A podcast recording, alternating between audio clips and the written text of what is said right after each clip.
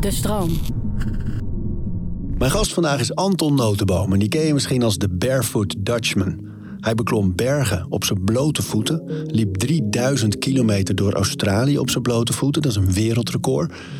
En dat doet hij allemaal om aandacht te vragen voor het mentale welzijn van mannen en vooral eigenlijk het belang om te praten over hoe we ons voelen. En dat gaan we vandaag ook doen. Ik ben er vrij zeker van dat nog nooit zo iemand zo dom is geweest om op blote voeten naar Basecamp naar Everest te lopen. Waarom zou je? Wat is een mens zonder houvast in zijn manier van leven? En ieder heeft een handvat en eigen rituelen. Orde in je hoofd zodat alles te overzien is. We praten over routines. Dat is de kracht van je eigen verhaal delen. Mooi man. Ja. We zitten allebei een beetje Ja, ja. met traande ogen Ja. nu. Ah man, Ja. dat zijn mooie verhalen hè. We praten over routines. We beginnen vaak aan het begin van de dag, maar ik vind het bij jou zo leuk omdat je ook zo diep in die breathwork zit. Ja. Op welk deel van de dag doe je dat? Ochtend. Ja, nou, Ja. dan beginnen we goed. Ja. Vertel eens. Ja, ja, dat is op dit moment ook weer een beetje een mooi experiment. Omdat ik zelf ademcoach ben nu en daarin eh, heel veel mooie dingen mag doen. Dat ik voor mezelf ook ga voelen, maar oké, hoe voelt het dan zelf om dit soort dingen weer te geven? Eh, dus doe ik iedere ochtend, probeer ik weer even iets, iets anders voor mezelf uit. Dus gisterochtend eh, bijvoorbeeld lag ik in één keer 40 minuten lang aan één stuk door te ademen op één tempo. Ja, dat was al het diepste meditatie waar ik daarna ook echt ooit in terecht ben gekomen. Dus het werkt. Oh, wauw. Ja. En wat was het tempo? Hoe, doe je dat? Eh, ik, ja, ik noem het dan eigenlijk 100% in, 100% uit.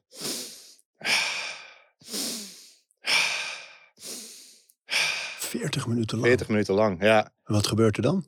Ehm, ja, je komt echt wel een beetje in die, hè, die altered state terecht. Dat je ehm, in, een, andere consciousness terechtkomt. Dus in het begin ben je nog heel bewust, ben je met je ademhaling bezig. En in één keer voel je ook dat je echt langzaam begint, eh, begint te driften. Maar wel echt op een hele lekkere manier. Ook zonder angst van, eh, dat dit gaat nu fout. Eh, moet ik ook wel bij zeggen, als coach zijnde voel ik dat ik dat, dat kan. Ik gun het, of tenminste, ik, ik raad het ook niet aan voor andere mensen om daarmee te gaan experimenteren. Om er meteen mee te beginnen. Nee, precies. Begin gewoon heel rustig. Ehm, maar zeker de, ja, de staat waarin je daarna terechtkomt. Echt het, het, het ulti- ultiem ontspannen, maar ook het mogen dromen. Dus ik kwam echt weer op andere plekken terecht. Ja, heerlijk. Zo. En daarna ehm, heel rustig kom ik dan overeind. En dan blijf ik gewoon zo nog echt, eh, ja, zolang als dat ik kan eh, zitten in meditatie. Zolang als het goed voelt, laat ik het zo zeggen. Mooi man. Ja, En ja. hoe eh, bepaal je dan in de ochtend van nou, vandaag ga ik dit eens proberen? echt, het is puur gevoelsmatig. Het is, heel, eh, het is heel mooi hoe dat gaat. Maar net zoals gisteren, ik kreeg een, eh, ik kreeg een nummer doorgestuurd nog met een jongen in Australië, waar ik eh, dit samen een beetje mee heb gedaan. Die stuurt af en toe eens even nummers naar mij toe. Van, hey, dit heb ik net gevonden. Nou, dit was toevallig een nummer van 40 minuten of 41 minuten. En ik dacht, nou, ik ga gewoon eens kijken hoe het ritme ademt. En toen ben ik daar gewoon zo in meegegaan en, en 40 minuten lang doorgegaan. Dus eigenlijk zonder plan op dat moment. Soms heb ik wel, oké, van dit heb ik nu in mijn hoofd. Laat ik dit nu eerst zelf gaan proberen. Maar dat is echt iedere ochtend anders. Het is ook echt niet zo dat het iedere ochtend zo extreem is. Ik heb af en toe gewoon hele rustige, korte ademsessies. Gewoon even in die energie komen. Ja, en soms heb ik gewoon morgen, eh, eh, zo- ochtend, dat ik even, nou ja, nu eh, voelt het even anders. Ja, En zo'n kortere? dit is wat ik heel veel mensen ook meegeef. YouTube staat echt vol met hele goede, eh, korte workshops. Dat je gewoon, of workshops, eh, oefeningen die je kan gaan volgen. Of gewoon oefeningen die ik voor mezelf heb. eh, bepaalde eh, ritmes die ik vasthoud. Of, of de box breathing of triangle breathing. Of eh Oh ja, hele dat is die snel- triangle. Box hebben we hier vaker besproken. Hè? Die eh, eh, vier seconden in, vier seconden vasthouden. Vier seconden uit, vier seconden vasthouden, enzovoort, enzovoort, enzovoort. Ja. Maar die triangle, wat is dat ook alweer? Eigenlijk een beetje hetzelfde. Dus het is allemaal natuurlijk heel makkelijk. Het is, het is bijvoorbeeld, je kan een triangle kan je op twee verschillende manieren doen. Dus je kan bijvoorbeeld vier seconden in, vier seconden uit, vier seconden vast. Maar je kan hem ook andersom doen. Dus vier seconden in, vast en weer uit. Dus daarmee kan je dus heel langzaam ook opbouwen weer naar die box breathing. En die secondes ook weer steeds meer rekken. Dus je, dat je echt volsmatig gaat aanvoelen van... hé, hey, ik kan iets meer, iets langer vasthouden. En dan kan je het op die manier ook weer heel rustig afbouwen. En dat je gewoon weer heel rustig uitkomt bij vier in, vier uit, vijf in, vijf uit. Ik zeg altijd vijf in, vijf uit. Ehm, en dan altijd een beetje Ja, mee... tellen is sneller dan secondes natuurlijk. Ja, dat, ja, ja. dat is het idee. ja. Ja. Ja, maar ik heb de laatste tijd best wel veel dat ik, eh, ik gewoon, ik wil inspiratie opdoen. Ik wil van andere mensen zien en aanvoelen uh, hoe, dat, hoe dat bij hun gaat. Dus ik ben allemaal van die filmpjes aan het opzoeken van hey, hoe doen zij dat? Hoe voelt dat? Wat kan ik daar zelf van toepassen? Mooi. Ja, ja en bij wie kom je zo? Dan heb je Joe Dispenza, hij heeft er heel veel op YouTube. Hè? En uh, ja, er zijn zoveel goede mensen nu natuurlijk. Ja. En eigenlijk alle uh, grote zoals Sam Harris en zo, die hebben allemaal ook wel YouTube dingetjes. Ja. Wim Hof heeft zijn hele protocol erop staan. Ja, gewoon gratis te zien. Ja, ja ook heel goed. Dat is heel mooi om dat juist aan mensen mee te kunnen geven. Van hé, hey, maar dit staat hier ook allemaal. Staat er gewoon. Ga zelf aanvoelen wat voor jou goed voelt. Uh, niet dat één specifieke manier van ademwerk dat dat alleen maar bij jou past. Er zijn zoveel mogelijkheden. Ga gewoon aanvoelen wat, uh, wat goed voelt. En het mooiste daarvan is dus dat je zo'n groot platform hebt om uh, te gaan kijken wat bij jou past. Het is hetzelfde als het aangaan met, met een relatie of het aangaan van uh, als je een coach zoekt, dat, er moet gewoon een bepaalde connectie bij zitten. Dat het ook gewoon goed voelt om te doen. En dat is hetzelfde met, met ademwerk. Dat je daarin gewoon gaat zoeken, oké, wat, wat, waar, waar reageert mijn lichaam en geest het beste op? Tja, en ook dat je daardoor een beetje bijna gedwongen wordt om te voelen. Hè? Dat je, ik heb bijvoorbeeld best wel vaak, als ik dan een gebroken nacht achter de rug heb, door de, dat de kinderen wakker waren of wat dan ook. Laatst was volle maan, altijd heel gevoelig voor. Ja, ja. Jij kent Wolverine, dus ja. jij, jij, jij, weet het beter. maar, um, en dat ik, als ik dan een beetje zo wakker word en niet meteen voel van, hey, let's go, weet je, niet die, die, dat energieke voel, dan doe ik echt een energizer. Ja. Een beetje wat jij net beschreef, een vrij hoog tempo in en uit. In, Ja. neus, uit, mond, in, uit, neus, mond. En Ja. dan, dan is het echt beuken. Maar dan voel ik hem ook echt. En daarna denk ik ook, ja, oké, kom erop dan met die dag nu. Juist, ja. Maar ik heb ook dagen dat ik juist wakker word en meteen allerlei gedachten of stress of zorgen in mijn hoofd heb. En dan vind ik het lekker om eh, alleen maar te concentreren op lange uitadem. Gewoon echt kalm. Eigenlijk meteen aan het begin van de dag toch weer kalm worden en kalm beginnen. En wat ik de laatste tijd, dat hoorde ik James Nestor eh, van dat mooie boek eh, Breath. Breath. ehm, ergens vertellen in een podcast. De podcast was trouwens met Rangan Chatterjee, Hmm. een Britse huisarts. Eh, ik weet niet hoe de podcast heet, maar hij heet Rangan Chatterjee, dan vind je hem wel. Oké. Ehm, en die vertelde dat het leuk is om te kijken of je je ademhalingen in een minuut kunt tellen. Dus de meeste mensen zitten natuurlijk in stress vrij hoog. Ja. En zij, hij zegt, probeer maar eens gewoon een, een paar minuten lang vijf keer in, in die ene minuut in en uit te ademen. Dus gewoon rustig in, rustig uit. En dat, dat als je dat ja, vijf keer in een minuut, dat zou wetenschappelijk ook best wel een, eh, een goede tool zijn eigenlijk om eh, tegen stress Ja. en voor gezondheid. En eh, dus die doe ik ook wel eens de laatste tijd, sinds ik dat gehoord heb, dat ik daar in de ochtend meteen mee begin. Om eerst, dan laat, laat ik eerst gewoon een minuut lang, gewoon eens probeer ik te tellen eh, waar ik zit. En dat is toch wel vaak zeven dan of zo. Ja.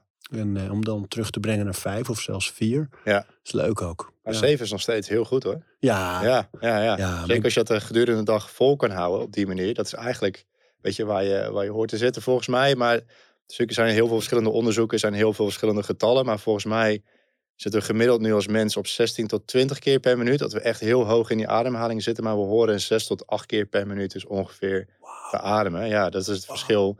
Waardoor dus mensen, hè, al heb je geen stress, creëer je stress. Heb je stress, gaat het echt skyrocket Zo. omdat we dus zo hoog in die, in die ademhaling zitten. En we horen dus eigenlijk wat jij doet in de ochtend, daar, daar horen we gedurende de dag op, op te zitten. Wat- is de reden dat jij het in de ochtend doet? Puur, het zit, het zit een beetje in mijn routine, maar ook wat je zegt, eh, het geeft mij energie. Dus je komt misschien eh, niet, niet altijd eh, iedere ochtend even fris uit bed. Het geeft je gewoon een bepaalde energie, maar tegelijkertijd ook een rust. Dus zelfs doe je het voor, voor de energie, je komt er ook gewoon met een bepaalde rust uit. En met die energie, met die rust kan je dan aan je dag beginnen. Het is gewoon geen betere manier om je lichaam te triggeren om dat er gedurende de dag vast te houden. En wat voor mij dan ook heel erg hielp in het verleden, is dat ik iedere keer kon terugkomen op hoe ik me dus in de ochtend toen heel even voelde.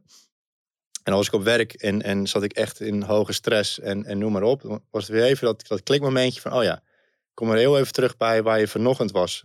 Pas die ademhaling aan. Waar zit je ademhaling nu? En ga hem gewoon rustig opvangen weer naar, naar dat moment. En dat ga je dus steeds vaker doen, zodat je lichaam dus in een andere default terechtkomt. Hè? Dat, het, dat je lichaam steeds meer gaat overnemen van oké, maar dit is dus waar mijn lichaam, waar ik wil zitten. En niet waar ik mezelf continu heen push. Dus hoe meer ik dat in de ochtend deed, hoe meer ik daarop kon terug kon vallen gedurende de rest van de dag en de avond.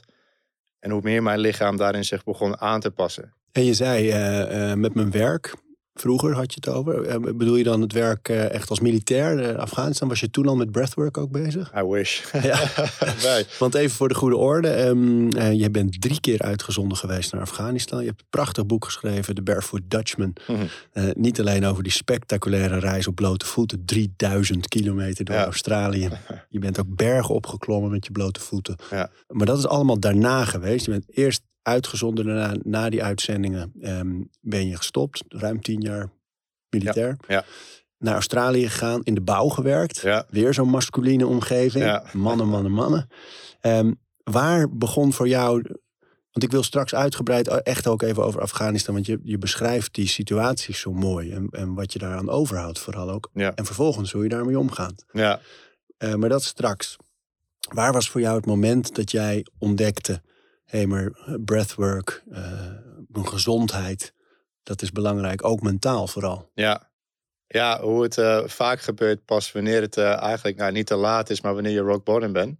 Dus wanneer er echt geen uitweg meer is, dan ineens ga je jezelf voelen en openstellen voor wat er nog meer is buiten hetgeen wat je kent. En ja, wat ik ook in het boek zeg, als je voorheen naar me toe kwam met iets spiritueels of meditatie of yoga, dan had ik tegen jou gezegd, ren naar die boom, knuffel hem, hou hem stevig vast, laat hem niet meer los. Maar dat is niet mijn ding. Het was gewoon out of my comfort zone. Zeker hè, komende van defensie, werken in de bouw. Uh, bij mij kwam het gewoon echt om een pad toen ik echt, echt rock bottom was. Um, ik wat een... betekende dat bij jou? Rock bottom was dat ik echt na lange tijd um, echt geen uitweg meer zag. Uh, echt compleet leeg voelde. Ik was echt een, een leeg omhulsel van wie ik ooit was als persoon. Uh, ik, ik, woonde in een paradijs. Ik woonde in Sydney aan naast de stranden. En waar ik normaal gesproken de persoon was die andere mensen op attendeerde. Van kijk eens hoe mooi het leven is. Kijk eens hoe mooi het uitzicht is. Stranden, zonsopkomst, noem maar op. Voelde ik echt helemaal niks meer. En het, het leidde er uiteindelijk naar, naar een ja, flink aantal eh, maanden doelloos heen en weer lopen. Uh, dat ik boven op een klif stond. En ik, ik ging juist naar die klif toe om te voelen. Omdat ik, ik was zo gefrustreerd dat ik echt niks meer kon voelen. En ik wist normaal gesproken, ging ik daarheen voor, voor een mooi uitzicht. Ik, ik wou het gewoon weer voelen, maar ik, ik stond daar weer. En ik voelde wederom gewoon helemaal niks. En in één keer keek ik dus naar beneden. En begreep ik waarom uh, mensen die allerlaatste stap kunnen zetten. Omdat die uitzichtloosheid, die pijn dan in één keer voorbij kan zijn. Alleen schrok ik gelukkig heel erg van mijn eigen gedachten op dat moment. Ben ik terug het hekje overgeklommen. Dat was heel normaal dat je dat toen ook deed, juist om te genieten van het uitzicht. En hoe ik dit in eerste instantie gemist heb, weet ik niet. Maar overal langs het hele hek hangen bordjes. Uh, if you are in mental distress, call Lifeline. We're here 24-7. En het eerste wat ik toen tegen me zei, nou, ik ben een kerel, ben ex-militair, ik heb geen problemen. En ik los het sowieso zelf op. Dus zelfs in dat moment, nadat ik die gedachten had gehad, wist ik nog steeds tegen mezelf te vertellen, maar nee, ik heb geen probleem. En ik ben man, ik ben kerel. Um, hier doe ik niet aan. Ja, maar dat was wel echt rock bottom. En, het en wat was de pijn? Wat was de... Murphy's Law noem ik het. Dus voor mij kwam um, alles op mijn bord tegelijk terecht. En met alles bedoel ik echt bijna ieder aspect wat in ieder leven kan gebeuren. Heel veel mensen verwachten dat ik posttraumatische stress zou hebben van, van de drie uitzendingen. Dat was niet zo. Ik had, uh, ik had zeker wel dingen hè, mee te dealen, te verwerken. Maar bij mij was het één uh, liefdesverdriet. Nou, dat kan echt een van de moeilijkste dingen zijn waar je überhaupt in het leven doorheen moet gaan af en toe. Um, en tegelijkertijd kwam een financiële druk. Ik had mijn appartement in Nederland verkocht. En die jongen die het gekocht heeft, de meest gelukkige jongen ooit, die kreeg alles erbij. Ik wou er gewoon vanaf zijn. Ik kwam daardoor met een restschuld te zitten. Daar keek ik heel lang niet naar, totdat hij echt op mijn bord lag. Ik dacht, nou ja, heel slechte gedachte toen. Ik was jonger. Ik zit aan de andere kant van de wereld. Wat wilden ze me maken? Maar dat komt gewoon, dat komt op je bord. Dat kan je niet ontlopen. Um, dus ik had liefdesverdriet en een financiële druk. En ik werkte in de bouw. En op een gegeven moment begon ik ook te beseffen, wat, wat, wat ben ik hier aan het doen? Ik werkte met beton. Ik stond in kelders een beetje beton te, te schuren en te grinden en te jackhammeren. Maar door die financiële druk voelde ik, maar ja, ik kan nu ook nergens anders heen. Dit is het meest veilige wat ik nu kan doen, het beste inkomen. Maar door die druk, door het gevoel van ik kom hier nu dus ook niet meer uit. En, en mijn eigen gedachten van, het gaat ook nog zo lang duren dat je hier moet zijn. Begon ik paniekaanvallen te krijgen. Dus dat ik zo in mijn hoofd zat, dat mijn lichaam daarop begon te reageren. Dus echt paniek begon te creëren in mijn lichaam. Um, en in één keer stond ik op de bouwplaat en, en barst ik in tranen uit, uh, hyperventileren, nou ja, huilen als kerel op een bouwplaat. Uh, zei ik op dat moment, ja, maar dat, dat kan toch helemaal niet, dus weglopen. Ehm, nou, op den duur waren de paniekaanvallen dusdanig ernstig dat ik echt voelde alsof je het een hartaanval krijgt. Dus ik, ik kon dus niet meer naar werk. Uh, wonende in een van de duurste steden ter wereld, Sydney. Niet werken, geen inkomsten, betekent ik, ik kon geen leven meer veroorloven daar. Dus ik was toen uh, 31, niet dat leeftijd ertoe doet, maar op dat moment voelde dat wel echt even zo. Kwam ik terug in een hostel en deelde ik mijn kamer met uh, vijf uh, 19 en 20-jarigen, dacht ik dat het was. Die volle bak in het leven stonden en ik lag daar in mijn stapelbedje. En ik gleed heel snel in een depressie. En als klap op de vuurpijl kwam daarbij dat ik er toen echt achter kwam. Ik ben mijn eigen identiteit verloren. Ik weet niet meer wie ik ben. Ik weet niet meer wat ik aan het doen ben, wat ik wil. Dus tien jaar lang was ik soldaat.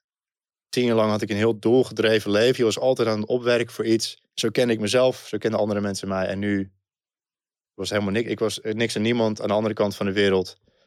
Um, met al deze problemen gaande. En ik zag gewoon geen uitweg meer. Ja, en dan ga je dus hè, alleen, ik, ik ging mezelf distancieren van mensen, want ik wou niet die gitzwarte wolk zijn in de aanwezigheid van anderen. Maar ja, ik voelde ook heel erg, andere mensen vonden het ook echt niet meer tof als ik aanwezig was. Ik was gewoon, ik, ik was gewoon depressief. Dus ik, ik, ik kon aanwezig zijn op een feestje met 30 personen, maar gewoon stilletjes in een hoekje zitten en me eigenlijk nog eenzamer voelen met mensen om me heen dan dat ik echt alleen was. Dus dan ging ik maar gewoon weer lopen, ging maar weer weg. Dat zorgde er wel voor dat ik echt alleen nog maar met mijn eigen negatieve zelfpraat overbleef. Ja, en, en we zijn ten alle tijden onze ergste criticus. Dus al gaat iets goed, dan weten we altijd nog dingen te vinden wat beter kan.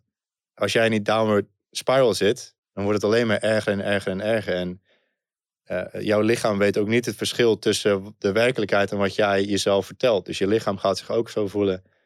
Ja, dat, dat ging heel snel. Dus ik, ik, ik kon alleen maar tegen mezelf zeggen: wat een loser ben je. Je zit hier vast, je komt hier nooit meer uit. Wat een sukkel ben je hoe heb je dit zo hè, voor jezelf kunnen verpesten? Um, en zo druk ik er nog zachtjes uit. Dat, dat wordt alleen maar erger en erger. En als je nou ook niet meer voelt, als je nou ook alles ziet waarvan je eigenlijk zou van moeten genieten. Ik zei, ik ben echt een heel reislustig persoon. Ik ben juist van alle hè, avonturen en dingen opzoeken, nieuwe mensen ontmoeten. En nu kon ik daar echt in niks kon ik meer um, dat, dat goede gevoel aan overhouden. Alleen maar, het begon alleen maar averechts te werken. Dus ja, dat was uh, dat Murphy's Law. Het, was echt, het komt dan niet in eenvoud. Echt alles kwam in één keer tegelijk. Hoe lang was die periode? In totaal heeft het twee jaar geduurd. Zo. Ja, twee jaar. Dat ik echt iedere dag snoeihard heb gewerkt om eruit te komen, laat ik het zo zeggen.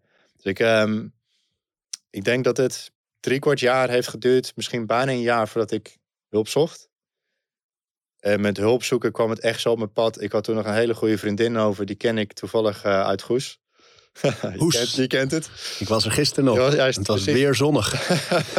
het, is, het is een mooi plekje. Het is ja, een mooi man. plekje.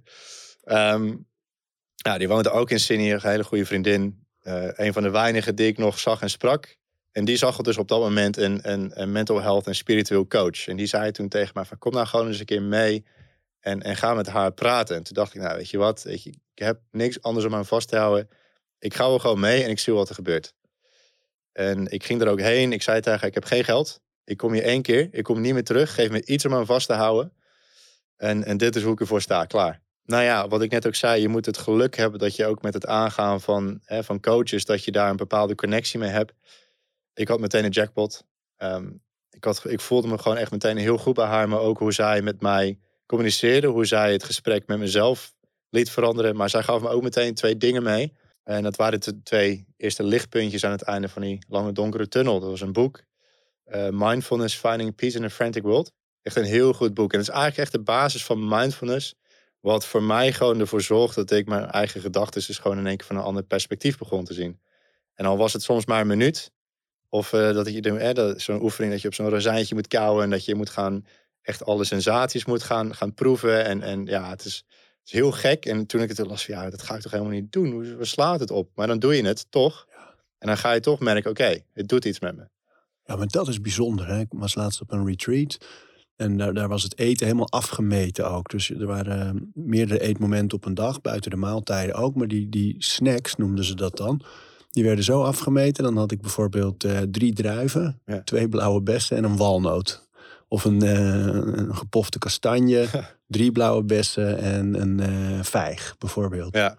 Maar omdat het zo weinig was en zo specifiek, pak je inderdaad echt die ene bes. Die ene bes breng je naar je mond. En die ene bes, daar kauw je op. En Ja. die proef je. En je bent hyperfocus op, op wat je eet dan. Ja. Maar dat is natuurlijk ook met zo'n die rozijnoefening. Ja, Ken ik Ja. vanuit de psychologie of de sociologie. Wat zo, psychiatrie. psy- Hoe ja, zullen we het eens noemen? ja, ja. ja. Maar dat je eh, je focus verlegt op wat, wat hoor je, wat voel je, wat proef je, wat gebeurt er. Ja, ja, en dan dat je dus daarna in één keer door hebt van... oké, ik heb dus nu al deze positieve ervaringen gehad... en ik heb dus nu net een paar seconden niet aan mijn eigen storm gedacht. Mooi. Ja. En dat is, dat is dan even die klik die je dan maakt van... oké, wow, dit was een paar seconden. En die paar seconden worden een paar minuten. En die paar minuten wordt er een halve dag.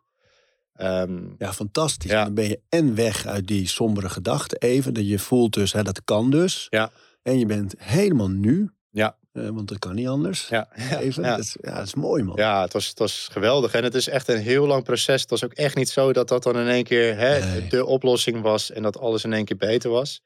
Eh, ik zei, ze gaf ook een app mee, Headspace, die veel mensen wel kennen. Ja, Andy. Ja, ja, Inmiddels hebben ze meer stemmen, maar ik ben dol op Andy. Ja, ik ook. Een beetje nasale. ja, Wat een autoriteit inmiddels. ja, ja. Maar het- wederom ook zoiets. Het is zo'n stem die je dan aanspreekt, waardoor je dus beter in zo'n meditatie komt. Nee, ik had nog nooit een meditatie gedaan. En ik zat op dat moment, eh, zat ik ook in Darwin. Het is echt een, een stad in het noorden van Australië. Echt, eh, ja, hoe moet je dit zeggen? Echt een beetje zo'n eh, redneck. En dat is een beetje een woord dat hier in Australië is boken, maar het is best wel, best wel rauw. Ik vond het heel mooi, maar voor hè, korte tijd. En toen, toen liep ik mijn hostel uit en ehm, nam ik het moment om een plekje te gaan zoeken om dus rustig een meditatie te doen. Dus ik had al dat ik bewust nu naar een mooie plekje ging lopen ook, om ehm, een meditatie te doen. Ja, dat was alweer zo'n moment van, hé, hey, maar dit, dit doe ik nu wel. Volgens mij geniet ik nu van het feit dat ik aan het water zit, waar ik voorheen niks voelde. Heb ik nu even vijf minuten gehad van, hé, hey, dit, dit voelde weer beter. Dus dat waren die eerste twee dingetjes die, die dat in gang hebben gezet. En toen dacht ik, oké, als, als deze twee dingen er zijn, dan is er nog meer. Dus ik ben toen, ja, ik had geen geld om, om meer coaching te krijgen. Dus ik ben gewoon zelf op onderzoek uitgegaan. Ik ben meer boeken gaan lezen, meer podcasts gaan luisteren, eh, YouTube-filmpjes gaan kijken. Eh, eigenlijk een beetje dat hele riedeltje. Ik ben, ik ben, ik ben gewoon zelf op onderzoek gegaan van, oké, wat, wat is er nog meer? En het allerbelangrijkste, hoe cliché het ook klinkt, maar ik ben echt gaan praten. Ik liep toen, ehm, ik liep toen iedere dag, liep ik heen en weer, langs Manly Beach. Ehm dus een stukje van eh 2,5 kilometer. En dan liep ik 6, 7, 8, 9 uur per dag. Liep ik dat gewoon heen en weer. In het begin. Gewoon om maar weg te zijn. Want ik kon niet in het hostel zijn. Ik kwam de muren om me af. Ik kon niet op werk zijn. Dan kreeg ik paniekaanvallen. Dus het enige wat mij resteerde was dus gewoon heen en weer lopen. Gewoon, gewoon maar buiten zijn. Ja, dat, ik zeg, dat deed ik echt uren aan één dag. En weken en maanden aan één stuk door. Dus je komt ook continu dezelfde mensen tegen. En die vroegen dan, eh hey, how's it going? Yeah, not too bad, mate.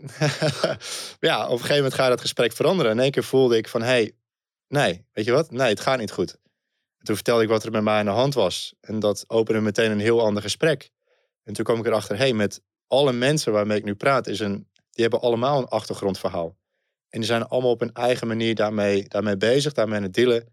Ik sta hier niet alleen in. Ik ben niet alleen. Het is niet alleen de, de Anton Show en eh, ja, bent de enige die in een storm zit. Nee, iedereen die jij hier ziet lopen, hoe gelukkig ze er ook uitzien, die kunnen allemaal of hebben allemaal een achtergrondverhaal. En daar put ik toen best wel veel kracht uit van oké, ondanks dat ik alleen liep, liep ik niet meer alleen.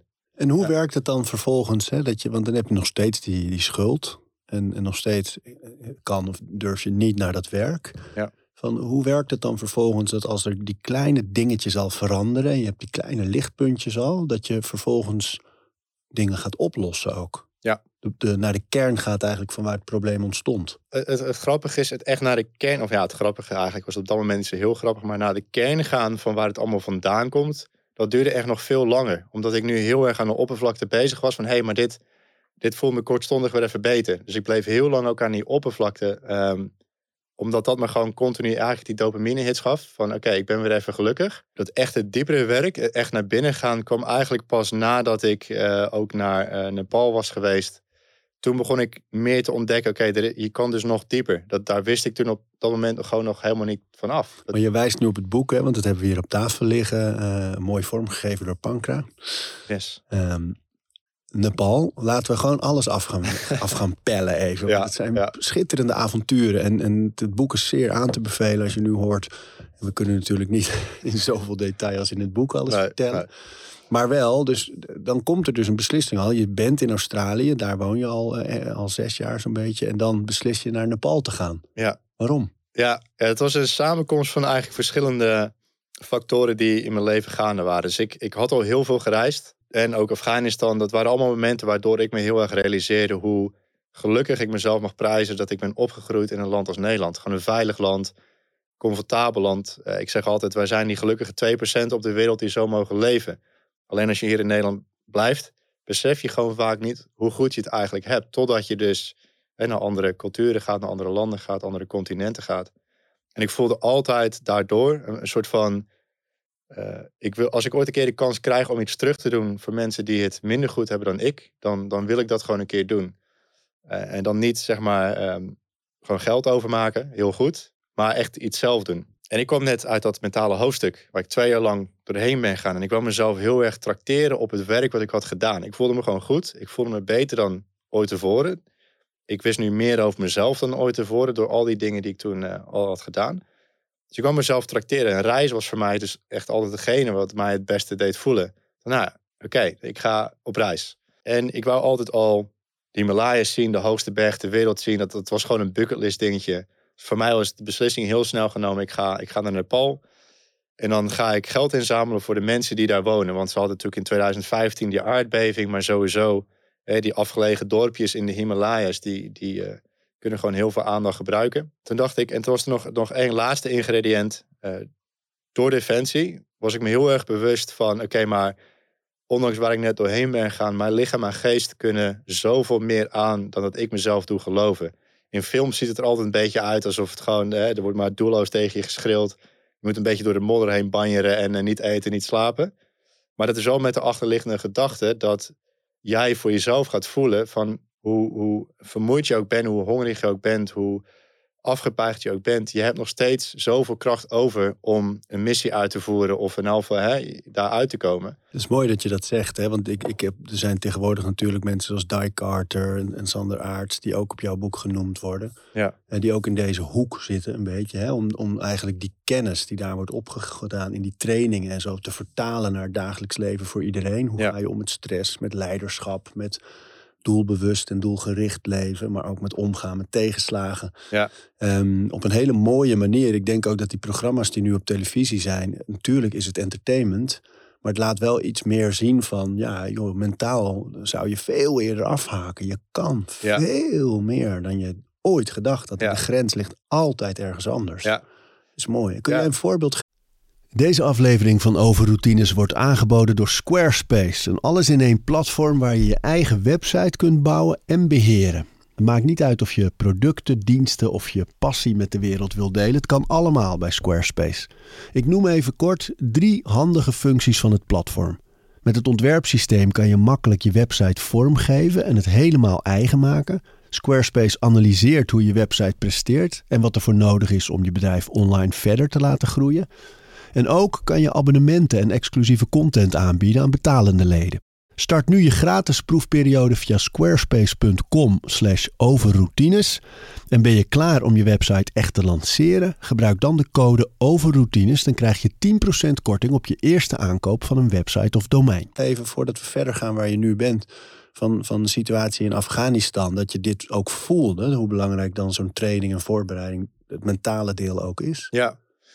Wel, voor Afghanistan zou ik even goed moeten graven. Eh, daar hebben we best wel fysiek gezien niet echt. Nou ja, het was zwaar, het was hitte. Met namelijk die wij ook hadden bijvoorbeeld. Dus dan heb je die volle, volle bepakking. Waar je, eh, als je in Nederland een trainer was, je kreeg voor het eerst die volle bepakking. Om dan dacht je, hoe ga ik dit in godsnaam doen? Weet je wel, met, met, ik liep in het begin nog echt een beetje voorover gebogen. Ik had een minimi, zwaar wapen. Ik had heel veel eh, munitie. En ik had maar een klein teer lichaampje toen ook. Ehm, dus ik kon het toen, voor mijn gevoel, dacht ik, maar dit kan ik toch helemaal niet. En zeker als ik nu ook nog een, een, een, eh, een gevecht in moet gaan. En dan kom je er dus in zo'n uitzendgebied achter, dat je hè, met datzelfde lichaam, dat je het dus gewoon heel makkelijk aan kan. En dus ook nog in die extreme hitte.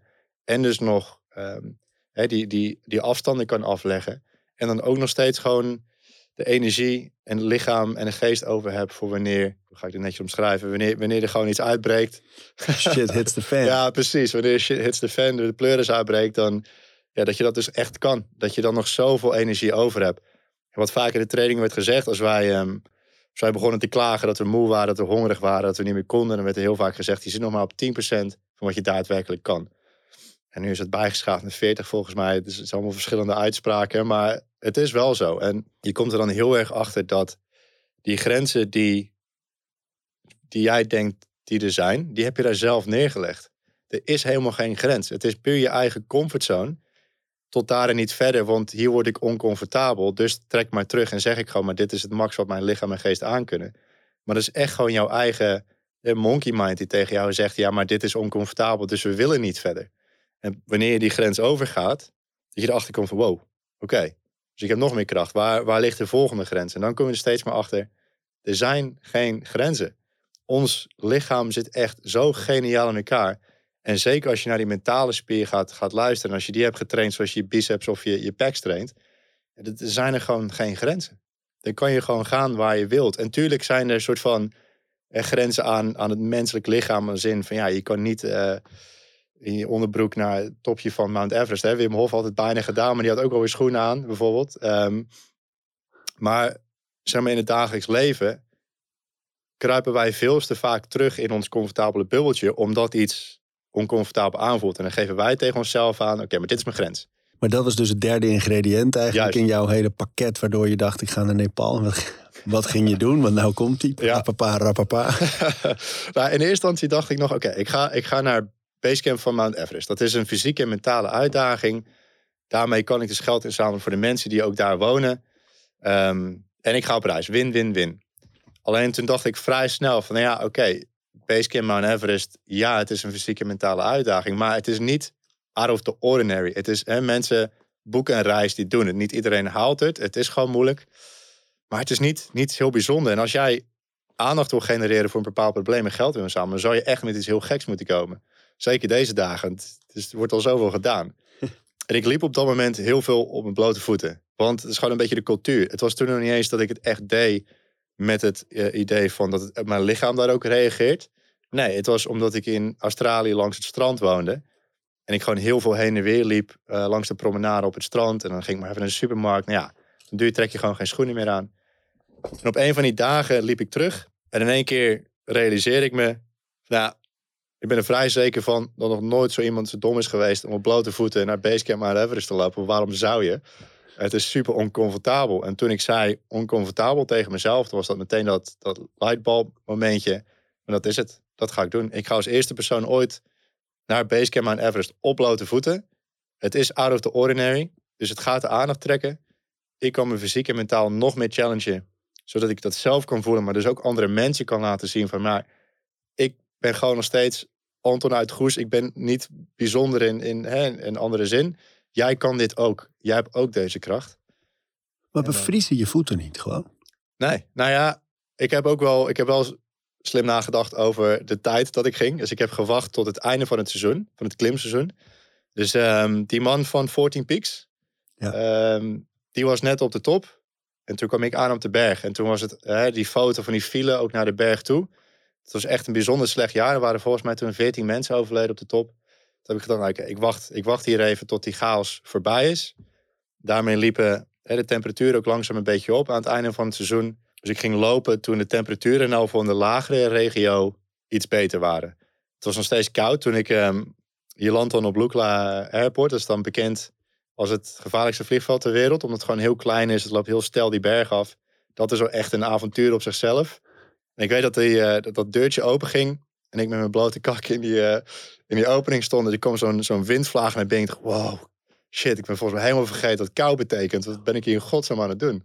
Ja, die kwam uit Australië. Ja, precies. Oh. Ja, ja, ja, ik had er heel lang geen winter meer gehad. En in Nederland had ik ook door het reizen heel veel winters overgeslagen. En in één keer sta je daar met je, met je blote voeten. Je voeten waren natuurlijk wel, hadden lekkere eeltlagen eronder van al het lopen in Australië. Nee. Nee? Nee, dat, dat gaat dus, dat, dat, tussen bij mij duurt het echt heel lang. Ik, uh, ik dacht eigenlijk ook van, nou, mijn, mijn voeten zijn nu zo sterk, dit, dit, dit, moet gewoon makkelijk kunnen. Mijn voeten waren wel sterk, maar het ging niet makkelijk. nee. Want vertel eens, waar liep je tegenaan? Ja, in het begin, de lagere regio was nog was best prima. Dan heb je gewoon goede wandelpaden. En dat is een beetje een combinatie tussen, tussen af en toe wat rotsen, maar heel veel gewoon grond, gewoon modder. En heel veel, uh, eh, eh, ezel, paarden en, eh, en jaks, die hebben ze daar gewoon stront. En in het begin loop je daar nog omheen, dan denk je dat is vies. Ja, als je daar continu overheen gaat lopen, dan ben je twee keer zo lang onderweg. Op een gegeven moment loop je er gewoon doorheen en dan voel je op de dag, het is best wel lekker aan je voeten eigenlijk. en dat was je dan gewoon weer af in de rivier. Ehm, dat was nog best prima. Dan waren de temperaturen over het algemeen nog best oké. Ja, hoe hoger je komt, hoe meer dat eh, die, die omgeving verandert. Dus je krijgt ijlere lucht. Je krijgt minder vegetatie, dus de bomen verdwijnen. Dat wordt langzaam wordt het dus rots. Rots wordt langzaam rots en ijs. Nou, dan, eh, je kent het gevoel als je, ehm, als je met Lego hebt gespeeld... of een van je kinderen heeft met Lego gespeeld... en ligt dat ene blokje ligt in de woonkamer. En zonder dat je door hebt, stap je daar met je volle gewicht stap je erop. En dan verkramp je hele lichaam en scheld je echt alles bij elkaar. Ja, er gingen echt heel regelmatig gewoon van allerlei Nederlandse vloekwoorden door die hele bergketen heen. Want ik had, ja, ik, ik droeg mijn eigen bepakking. Ik had geen Sherpa, geen, geen guide. En dan, dan loop je dus even hè, bergafwaarts en dan stap je volle bak op zo'n steentje. Ja, en dat gebeurde echt vaak. Maar dat was, dat was gewoon nog enigszins oké. Je, je- stoot af en toe je kleine teen tegen, eh, tegen een rots. Ja, op een gegeven moment kom je dus echt in die, in die hoge ijle lucht terecht. En je lichaam is dus daadwerkelijk langzaam aan het afsterven. Doordat het minder zuurstof krijgt. Eh, dus je moet heel erg oppassen voor altitude sickness. Dat kan echt in één keer acuut opkomen. En dan moet je ook heel snel de berg af. Ja, want dat kan gewoon echt dodelijk zijn. Ja. Als je dat niet op tijd behandelt, dan, dan ja, sterf je. Ehm, en het, het, het bizarre is ook, je kan erop trainen. Maar als jouw lichaam erop reageert, reageert je lichaam gewoon. En dan kan je nog zo getraind zijn. Maar dan moet je gewoon die berg af. Ehm, maar ik deed gewoon heel rustig aan. Je, je eetlust wordt daardoor, die vermindert daardoor. Je slaapt minder goed. Ehm, dus je moet gewoon heel erg opletten dat je echt zo goed mogelijk blijft eten. Zo goed mogelijk blijft drinken. Heel rustig omhoog gaat. Ook acclimatiseren af en toe. Ja, op een gegeven moment kom je dus wel op die hoogte terecht dat het echt gewoon koud is en ijs en, en rots. Dat was even andere koek. En het was ook echt, nou ja, laten we zeggen de laatste dag, de laatste drie dagen was het echt ijs en rots. Ik had eh, nou, van Defensie wel geleerd hoe je zelf kon checken op frostbite en dat soort dingen. Maar dat ging eigenlijk gewoon best wel goed. Wat betreft viel het dus ook nog wel mee. En die laatste dag was het echt hard op vloeken met iedere stap die ik zette. Want je voeten zijn dus dan zo gevoelig van, van continu op stenen en op rot staan. En de schuringen, zeg maar. En ehm, ja, dus ook de kou. Hè? Als, je, als je heel koud bent en je stoot je dan ergens tegenaan, dat doet echt pijn. Ja, die vroeger gevoetbald heeft en wel eens op zo'n ochtend dat het zo net onder nul is. Ja. Het gras is een beetje wit nog van het ijs. En dan, en dan zo'n bal langs je oor Ja, of bovenop je bovenbeen. ja precies dat. Oh. Ja, ja, ja. Ja, dat gevoel. En dat was echt de, de hele laatste dag. Maar het mooie daarvan was, ehm, er was echt geen cel in mijn lichaam die eraan dacht om het niet te doen. Ik was er zo gefocust op, ik, ik doe dit, ja, ik doe dit voor mezelf, maar ik doe het nu ook voor iemand anders. En de mensen die je dan onderweg tegenkomt, ondanks dat ze je niet kennen, maar ze hebben wel over die gekke Hollander gehoord met zijn met zijn zeilschepen die eh, de berg op komt gelopen. Wat voor maat heb je? 45. Ja. Ja, Keurige maat. ja toch? Ja. Ja, ze vallen, ze vallen redelijk op. Maar voelde dat ook een beetje alsof je nog die depressie en die donkere periode daar echt één op één aan het in de bek kijken en overwinnen was? aan het overwinnen was. Met name. Dus ehm, ik had daar echt weer momentjes van ultiem geluk. Ondanks dat ik helemaal naar de ratten ging. Waardoor? Ik ben hier doorheen gegaan, dus letterlijk door een dal heen gegaan. En ik sta nu boven op een berg in de hoogste bergketen ter wereld. En ik doe dit nog op mijn blote voeten ook. Kijk eens hoeveel kracht je hebt. Kijk eens, kijk eens wat je jezelf, hè, waar je jezelf doorheen hebt geloodst en wat je nu mag doen. Ehm, en er waren echt van die momentjes. Ik, het mooie van het einde van het seizoen was dat het ook helemaal niet meer druk was op de berg. Dus sommige dorpen waren al gesloten. Dat ik echt momentjes had met mezelf. Dat ik gewoon even een drie- eh, 360 eh, deed. Even om mezelf heen spinde. En echt hardop als een kindje aan het lachen was van wow gast. Dit heb jij, dit heb jij voor jezelf gecreëerd. Kijk eens wat je nu doet. Het is zo bizar om dat dan te voelen. En dan ook die berg zeg maar, zo om je heen te zien. Die frisse lucht. En de kracht die je dan weer voelt in je lichaam. Van, hè, daarvoor liep ik gewoon echt als een zoutzak bij. Dat, dat gebeurt gewoon. En nu gewoon weer vol kracht stond ik boven op die berg. Ja, Mooi man. ja bizar. Ja. Ja, En, en, en na zo'n tocht, hè, die voeten, wat, wat doe je om daarvan te herstellen? het lichaam. Ik, ik Ja. hoefde echt niks te doen. Het deed gewoon pijn, klaar. Dat was een soort van... Ja, toen nog niet eens echt een bewuste acceptatie... maar het was gewoon onderdeel van, van, van die wandeling. Hoe zagen ze eruit? Ja, op deze wandeling zaten ze echt best wel vol met wondjes... en echt heel veel kleine sneetjes. Want je staat dus continu op van die best wel scherpe rotsen. Ehm, dus ik moest wel goed opletten op desinfecteren. Zeker als je continu dus in de poep staat. Ehm, dus daar was ik wel veel mee bezig, echt continu schoonhouden. Maar ik wou ook niks om mijn voeten hebben. Ik wou niks aan, aan verbandjes of, of wat dan ook. Ik wou echt dat mijn lichaam daar doorheen ging. Ehm, dus na, na die wandeling, toen, toen ik aankwam met Basecamp, waren ze best wel gehavend. Maar ze deden het nog. Ze deden het prima. En terugweg ook op je blote voeten Nee, gedaan? nee, ik, had, eh, ik had de dag ervoor had ik, een oproep nog gedaan. Ik gebruikte social media toen eigenlijk echt helemaal niet. Maar wel om geld in te zamelen, moest ik het af en toe even een verhaal delen. Dat had ik nog gezegd, als er iemand is die nu het bedrag verdubbelt, dan ga ik terug op mijn blote voeten. En net, net voordat ik omhoog had ik nog net ergens bereiken in zo'n lodge. Even snel gekeken, nou, niemand. Oké, cool, ik kan weer terug. Dus ik had mijn schoenen meegenomen naar, eh, Paste die nog? Basecamp. Ja, nou, het waren echt wolkjes. Ik, had, eh, ik, trek, ik, ik trok mijn sokken aan. Het was zo'n lekker gevoel dan. Ik, ik, ja, ik ben in negen dagen omhoog gegaan. Ik ben in vier dagen omlaag gegaan. Ja, ja, een soort van... Nou, ik heb niet gerend. Ik heb echt nog echt genoten van, van de terugreis ook. Maar ik kon wel met flinke eh, zeven mijl stappen kon ik, eh, kon ik voorwaarts, zeg maar. Ja. Hoeveel uren op een dag liep je? Zes, zeven, acht. Zo, Dus het mooie was dat, dat ik dat dus in mijn depressietijd... eigenlijk dus al iedere dag heen en weer liep. getraind. Ja, zonder dat ik echt met die, met die realisatie, met die bewustzijn dat deed, had ik mezelf al een soort van klaargestoomd om, eh, om dat te gaan doen. Toen had je de smaak te pakken en dacht je, weet je wat, plak er nog eens even 3000 kilometer aan vast, door, dwars door Australië. Ja, ja, ja. Het was, ehm zeg maar, toen ik aankom op Basecamp, heb je die hele grote, die grote rots.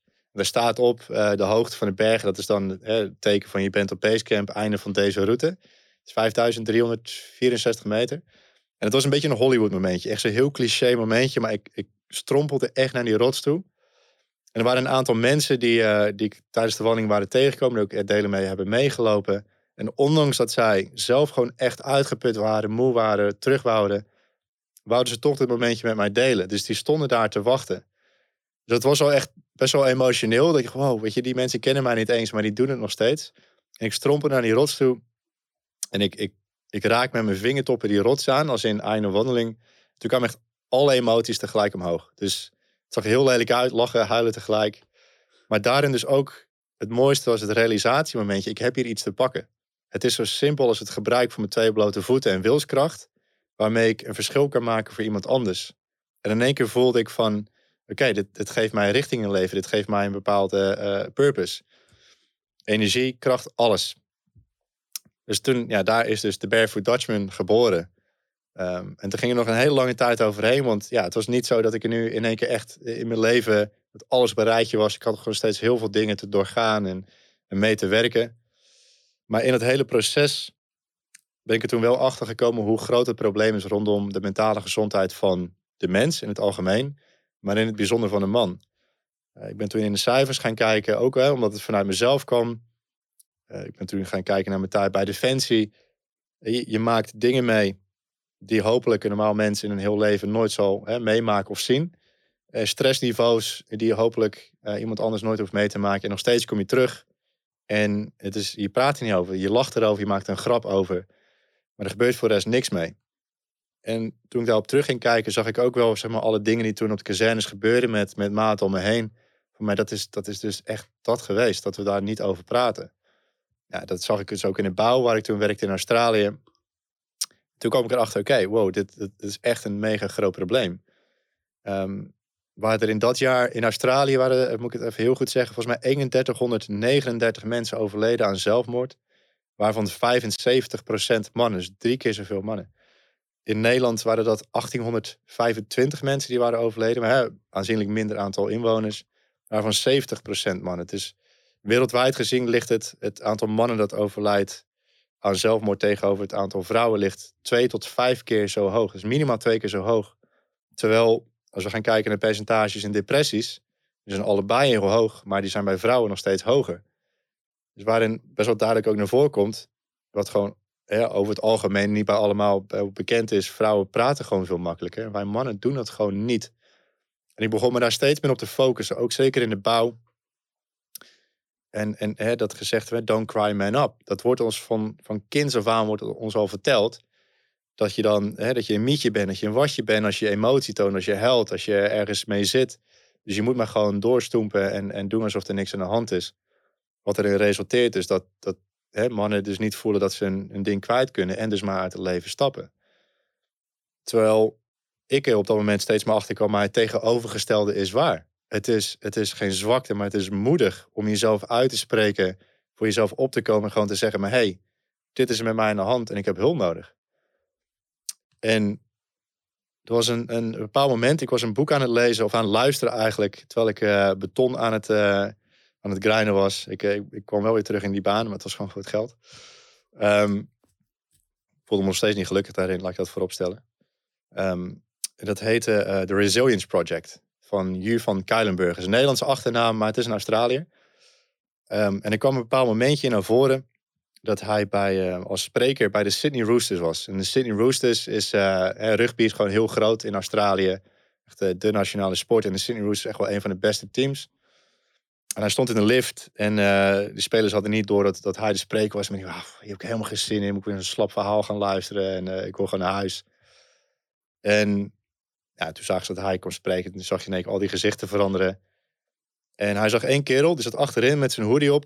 Keek alleen naar beneden. Die heeft hem eigenlijk de hele, hè, de hele sessie niet aangekeken. En na het einde van het gesprek kwam iedereen naar hem toe. Van, oké, ik ben heel eerlijk. Ik had hier helemaal geen zin in. Maar wauw, jouw gesprek heeft me echt geraakt. Dankjewel. En die speler met die hoodie op, die, die liep hem gewoon voorbij. Die zei niks, die liep gewoon zo weg. En toen dacht hij nog bij zichzelf. Niet iedereen hoeft mijn verhaal goed te vinden. Weet je, het is oké. En een jaar later, toen gaf hij een speech in Melbourne. En toen zag hij op de voorste rij zag hij die, die man zitten met een oudere vrouw naast hem. En na die speech kwam hij naar hem toe en zei: Ik weet niet of je me nog herkent, maar een jaar geleden was je bij ons aan het speechen. Ik zat uh, bij de Sydney Roosters. En ik wil heel graag dat mijn moeder jou ontmoeten, want ik wil dat je weet dat je die dag mijn leven hebt gered. Hij ging, had al de sleutel geregeld van het vakantiehuis van zijn ouders in Cornwall, in het zuiden van Sydney, om daar een einde te maken aan zijn leven. Maar doordat hij zijn verhaal deelde op dat moment, heeft dat zijn mind veranderd. Fantastisch. En dus voor verandering gezorgd. En toen, ik stond echt, ik stond met zo'n brok in mijn keel. Van wow, maar dit, dit, dit moet gewoon veel vaker gebeuren. En dat is dus de kracht van het delen van je eigen verhaal. Toen dacht ik, oké, bij Defensie heb ik geleerd, goed voorbeeld doet goed volgen. Lead by example. Als je wil dat je mannen je volgen, zet eerst het goede voorbeeld zelf. Ik, ik heb nu mijn tijd bij Defensie, Afghanistan. Ik werk hier in de bouw. Ik heb Nepal net gehad met die twee blote voeten. Ik moet dat, ik moet dat gebruiken. Ik moet een, een platform gaan creëren waarop ik kan delen wat ik heb geleerd, mijn eigen tools. En daar kunnen mensen van pakken wat ze willen. Wat werkt, wat werkt, wat niet werkt. Up, over je schouder en uh, niet meer naar, uh, geen energie meer aan verspillen. En waar ik mezelf kwetsbaar kan opstellen. En dus kan laten zien dat ook als kerel vanuit Defensie, vanuit de bouw, die, die dingen heeft gedaan. Dat het gewoon heel normaal is om gewoon te delen van hé, hey, maar ik zat er toen helemaal niet goed in. Sterker nog, ik zit er nu ook niet goed in. En dit is wat ik daaraan doe. En, en laten we erover praten. En laten we dat dus, het oude perspectief, dat oude beeld gaan veranderen. Dat woordje veranderen. Het is geen zwakte, maar het is moedig. Goed, dan moet ik wel met een toffe verhaal komen dan op mijn blote kakken naar basecamp van Mount Everest. Um, en ik was natuurlijk op dat moment in Australië. Het probleem is echt mega groot in Australië.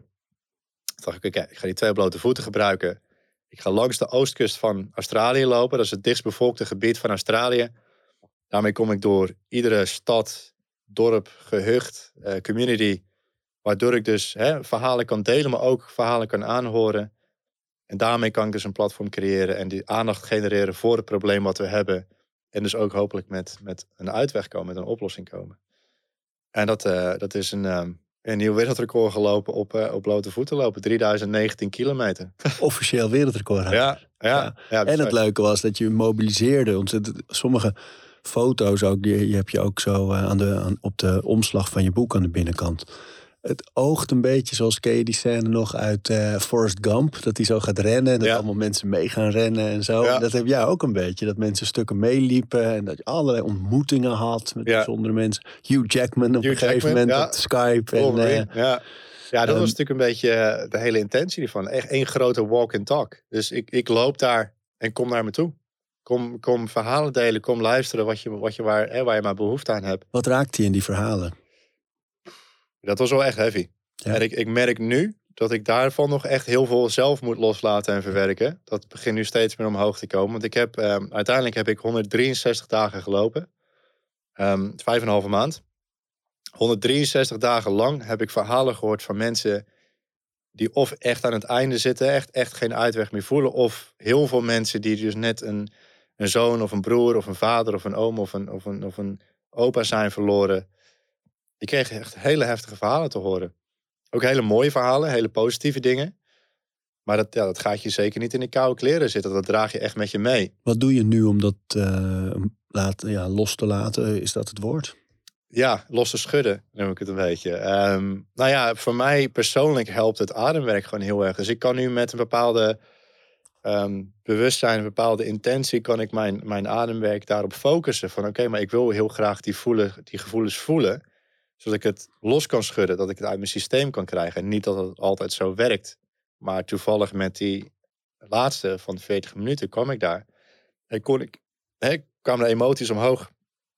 Heb ik gewoon tranen gelaten. En voelde ik daarna wel een soort van verlichting daardoor. Van oké, dus weer een stukje is eruit gekomen. En die tranen, hè, um, zijn die dan over een specifiek verhaal of een specifiek persoon? Of is dat iets anders? Uh, nee, dit was nu al gewoon echt in het, in het algemeen wat ik met me meedraag. Van, eigenlijk van, het, van de hele afgelopen anderhalf jaar, denk ik. Gewoon hoe intens het is geweest, ook na die wandeling.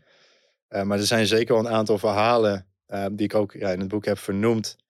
Die echt, echt zijn blijven hangen. Kun je er één, één delen? Ja, zeker. Ja. dus, dus één verhaal die eigenlijk alles omschrijft wat ik, wat ik ja, een beetje probeer te, te bereiken met, met wat ik doe. Dat is het verhaal van Peter. Ehm, Peter, die had ik al ontmoet uh, de week voordat ik aan de wandeling begon. Toen, uh, ik had toen nog een vriendin. En um, we gingen nog even samen op vakantie naar de Whitsunday Islands. Dat is echt, ja, google het. En het is paradijs. Het is ongelooflijk. En dan hadden we voor drie dagen hadden we daar een boot. Dan, ben je daar met een groep mensen op en dan ga je overal uh, snorkelen, duiken. En daar waren Peter en Linda. Peter en Linda waren op, uh, op honeymoon. Echt zo mooi om naar te kijken. Die waren zo zielsgelukkig met elkaar. Um, dus zo ken ik ze ook. En toen zeiden ze ook van ja, ik, dus het verhaal kwam naar boven. Zo, wij wonen langs de route. Als je er bent, laat ons weten. Dan, dan, hè, dan zorgen dat je bij ons kan slapen. Noem maar op. Dus ik kwam daar aan. En ja, geweldig. Ze hadden zo'n hele luxe caravan nog nooit zoiets gezien. En die hadden ze vier nachten op rij hadden ze die op hè, verschillende plekken neergezet. Dan vroegen ze van, oké, waar denk je ongeveer te gaan eindigen? Dan zet hem daar neer. Ja, helemaal volgeladen met eten en drinken. En echt het meest comfortabele matras. Want ik sliep ja, merendeel gewoon in mijn tentje. Langs de kant van de snelweg. Dit, dit was echt heaven. En op een van de dagen vroeg Peter van... Hey, vind je het goed als ik een dag op mijn blote voeten met je meeloop? Ik zei, nou ja, tuurlijk. Dat is de hele bedoeling van de wandeling. En top dat je het op je blote voeten gaat doen.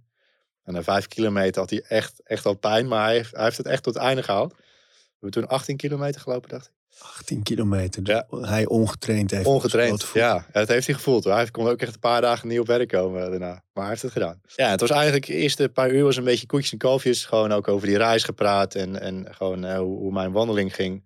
En toen kwam hij uit bij een brug. Dat was bij de stad Gladstone. En dat was een hele ja, een grote brug, een hele brede rivier. En toen stopte hij en toen zei hij dus nog een andere reden dat ik eigenlijk best wel graag met je mee wil lopen. Ik wil heel graag mijn verhaal met je delen.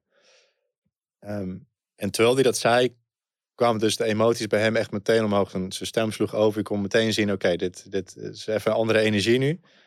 En toen zei hij nog niet zo heel lang geleden, ging ik hier bij deze brug een einde maken aan mijn leven. Hij ging door, uh, door een hele extreme scheiding heen. En hij, ja, hij voelde het gewoon niks meer. Dus het, voor hem de enige oplossing was, um, was dit leven verlaten. En het was een eh, hele stiepe embankment, een uh, oever. Had hij zijn auto op geparkeerd. En um, ja, hij wou zijn handrem eraf halen om de rivier in te rijden. En die rivier die zakte meteen tot een hele diepe bodem. En dan zou hij gewoon zo verdwijnen. En net voordat hij de handrem eraf haalde, belde hij nog één keer zijn zoon. I love you. En zijn zoon die van, van niks afwist, die reageerde me, ja, I love you too, dad. Maar voor het eerst een hele lange tijd hoorde hij de woorden, I love you. Een gevoel wat hij al heel lang niet meer voelde, dat iemand om hem gaf. En dat zorgde er gewoon heel kortstondig even voor, oké, wow, wacht, volgens mij, volgens mij heb ik wel een reden om te leven. Dat is het eerste gedeelte van, van het verhaal, maar ik wil even heel duidelijk naar voren halen. Zo belangrijk, belangrijk kunnen woorden zijn. Zo simpel kan het zijn. En we zitten zo vaak op ons telefoon. Wat ik heel vaak meegeef aan mensen is: pak die telefoon eens op en pak eens 10 seconden van je tijd om door je contactenlijst heen te gaan en naar een random persoon die misschien al heel lang niet gesproken hebt, gewoon eens een berichtje te sturen. Ik denk aan je, ik hou van je, ik kan misschien heel oncomfortabel zijn om te zeggen. Um, hoe gaat het met je? je weet niet wat, waar de persoon aan de andere kant van die lijn mee aan het dealen is. Het kan daadwerkelijk het verschil betekenen tussen leven en dood. Het kan sowieso een heel mooi gesprek openen, die je misschien al heel lang niet hebt gehad. Maar je kan er op dat moment dus ook echt voor, hè, voor iemand zijn die op dat moment gewoon heel diep zit. En dat op dit moment was het gewoon echt de woorden I love you. I love you too. Ehm, dat er voor hem zorgt dat hij meteen iemand opbelde van... hey, hier sta ik nu, dit is wat ik ga doen, je moet me nu komen halen, ik heb hulp nodig. Hij is toen het gevecht aangegaan. Hij koos ervoor om voor zijn leven te vechten. Absoluut geen makkelijk proces. Maar zoals het leven ten alle tijden vol kan zitten met verrassingen. Zelfs als je echt in het diepste dalen zit, kan een positieve wending echt om de hoek staan. Liep in één keer de liefde van zijn leven, liep zo zijn kantoor in. Hè, waar hij uit de scheiding kwam en liefde absoluut niet top of his mind was. Stond ze daar in één keer op zijn kantoor. Ze gingen daten en dat date ging gewoon heel goed. En op een gegeven moment gingen ze bij elkaar wonen. Het ging allemaal vrij snel. En op een gegeven moment vroeg zijn nieuwe vriendin... zou je eens met mijn zoon willen praten? Ik heb het gevoel dat er iets met hem is, maar ik heb ook het gevoel dat ik niet met hem kan praten. Misschien jij, man tot man, uh, dat het anders overkomt. En hij eigenlijk een beetje, zoals hij het vertelde, een beetje onzeker. Van ja, ik heb geen idee waar ik het over moet hebben, maar ik ga, ja, is goed. Ging hij naar zijn kamer. En uh, ze gingen zitten en hij ging het gesprek aan en hij voelde niet van dat er ook maar iets gebeurde. Dat wat, wat hij ook zei, dat het iets van impact had. En toen besloot hij dus het meest moedige te doen wat je maar kan doen. Hij vertelde zijn eigen verhaal. Dus hij vertelde waar hij nog niet zo heel lang geleden was, waar het toe geleid had naar de brug, maar ook waar hij nu stond, gewoon gelukkig met zijn moeder. En wederom had hij niet het gevoel dat, dat ook maar iets van zijn verhaal hem had geraakt. Maar hij dacht wel bij zich van ja, maar ja, ja, meer kan ik nu gewoon niet doen. Dus hij verliet de kamer en ging weer een, tijd overheen en toen gingen ze trouwen. Op deze hele mooie dag kwam zijn nieuwe stiefzoon, die, die liep in één keer naar hem toe. Die gaf hem echt een hele intense knuffel. En die keek naar hem op. En die zei, weet je nog die dag dat jij naar mijn kamer toe kwam met mij te praten? Ja, tuurlijk. Dus ik wil dat je weet dat jij die dag mijn leven hebt gered. De reden dat ik nu op jouw bruiloft sta, is omdat jij jouw verhaal met mij hebt gedeeld. Ik ging een einde maken aan mijn leven, maar jij gaf me weer hoop. Wauw. Dat is de kracht van je eigen verhaal delen. Mooi man. Ja. Zit allebei een beetje ja, ja. met traande ogen Ja. nu. Ah man, Ja. dat zijn mooie verhalen hè. En zo, dat is de kracht die wij dus allemaal met ons meedragen. Dus we hebben die, die fysieke kracht die we dragen. We hebben die adem. Maar we hebben dus ook daadwerkelijk, hè, vroeger, dus ik, ik, volgens mij heel veel mensen, wouden altijd een soort van superheld zijn. Weet je, dat zagen we op tv. En ik kon Superman zijn, ik kon eh, Wonder Woman zijn. En, en, een doel van zo'n superheld is om een leven te redden. Dat is waarvoor die superkrachten gebruikt. Maar ik zeg altijd, wij hebben dus allemaal een superkracht om een leven te redden. Dat is je eigen verhaal delen.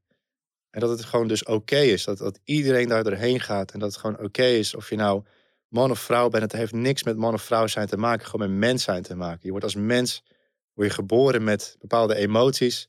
We gaan allemaal door onze ups en downs heen. Het is volledig oké om je af en toe gewoon afgrijzelijk ellendig te voelen om door iets heen te moeten. En dat je daarvoor hulp kan vragen. En stel nou hè, dat je nu zit te luisteren en denkt... ja, maar ik heb niet misschien dat gevoel gehad dat ik uit het leven wilde stappen.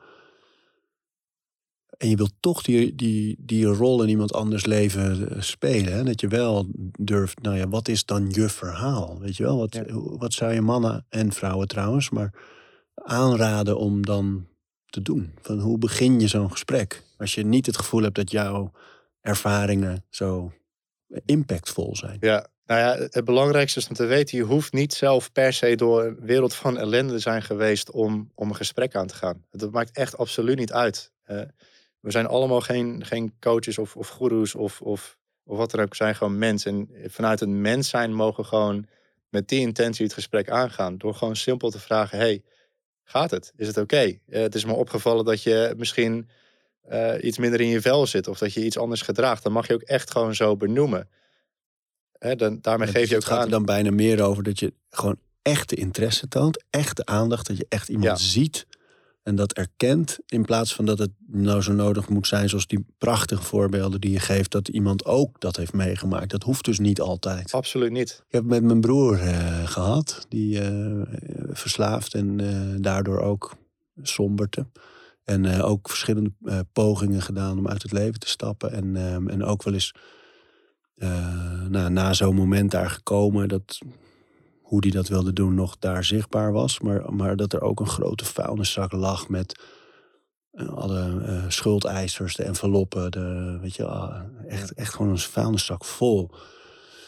En ehm, toen hielp het toch ook wel heel erg om meteen praktisch te schakelen. Om samen die vuilniszak om te draaien en, en die, al die enveloppen te ordenen. Dit is van de Belastingdienst, dit is van de studieschuld, dit is van de um, energierekening en noem het allemaal maar op. Ja. Om heel praktisch samen bezig te gaan, om ook daardoor samen verder te kunnen. We gaan dus door. Ja, Ja. Het leven gaat door en we gaan nu gaan we het, we gaan iets doen. Dat was ook wel heel fijn eigenlijk. Ja, zeker. Je kan ehm, het, het, wat we vaak voelen, wij willen dus de, het probleem oplossen voor iemand. Dat kan niet. Maar je kan wel eh, een soort van begeleiden.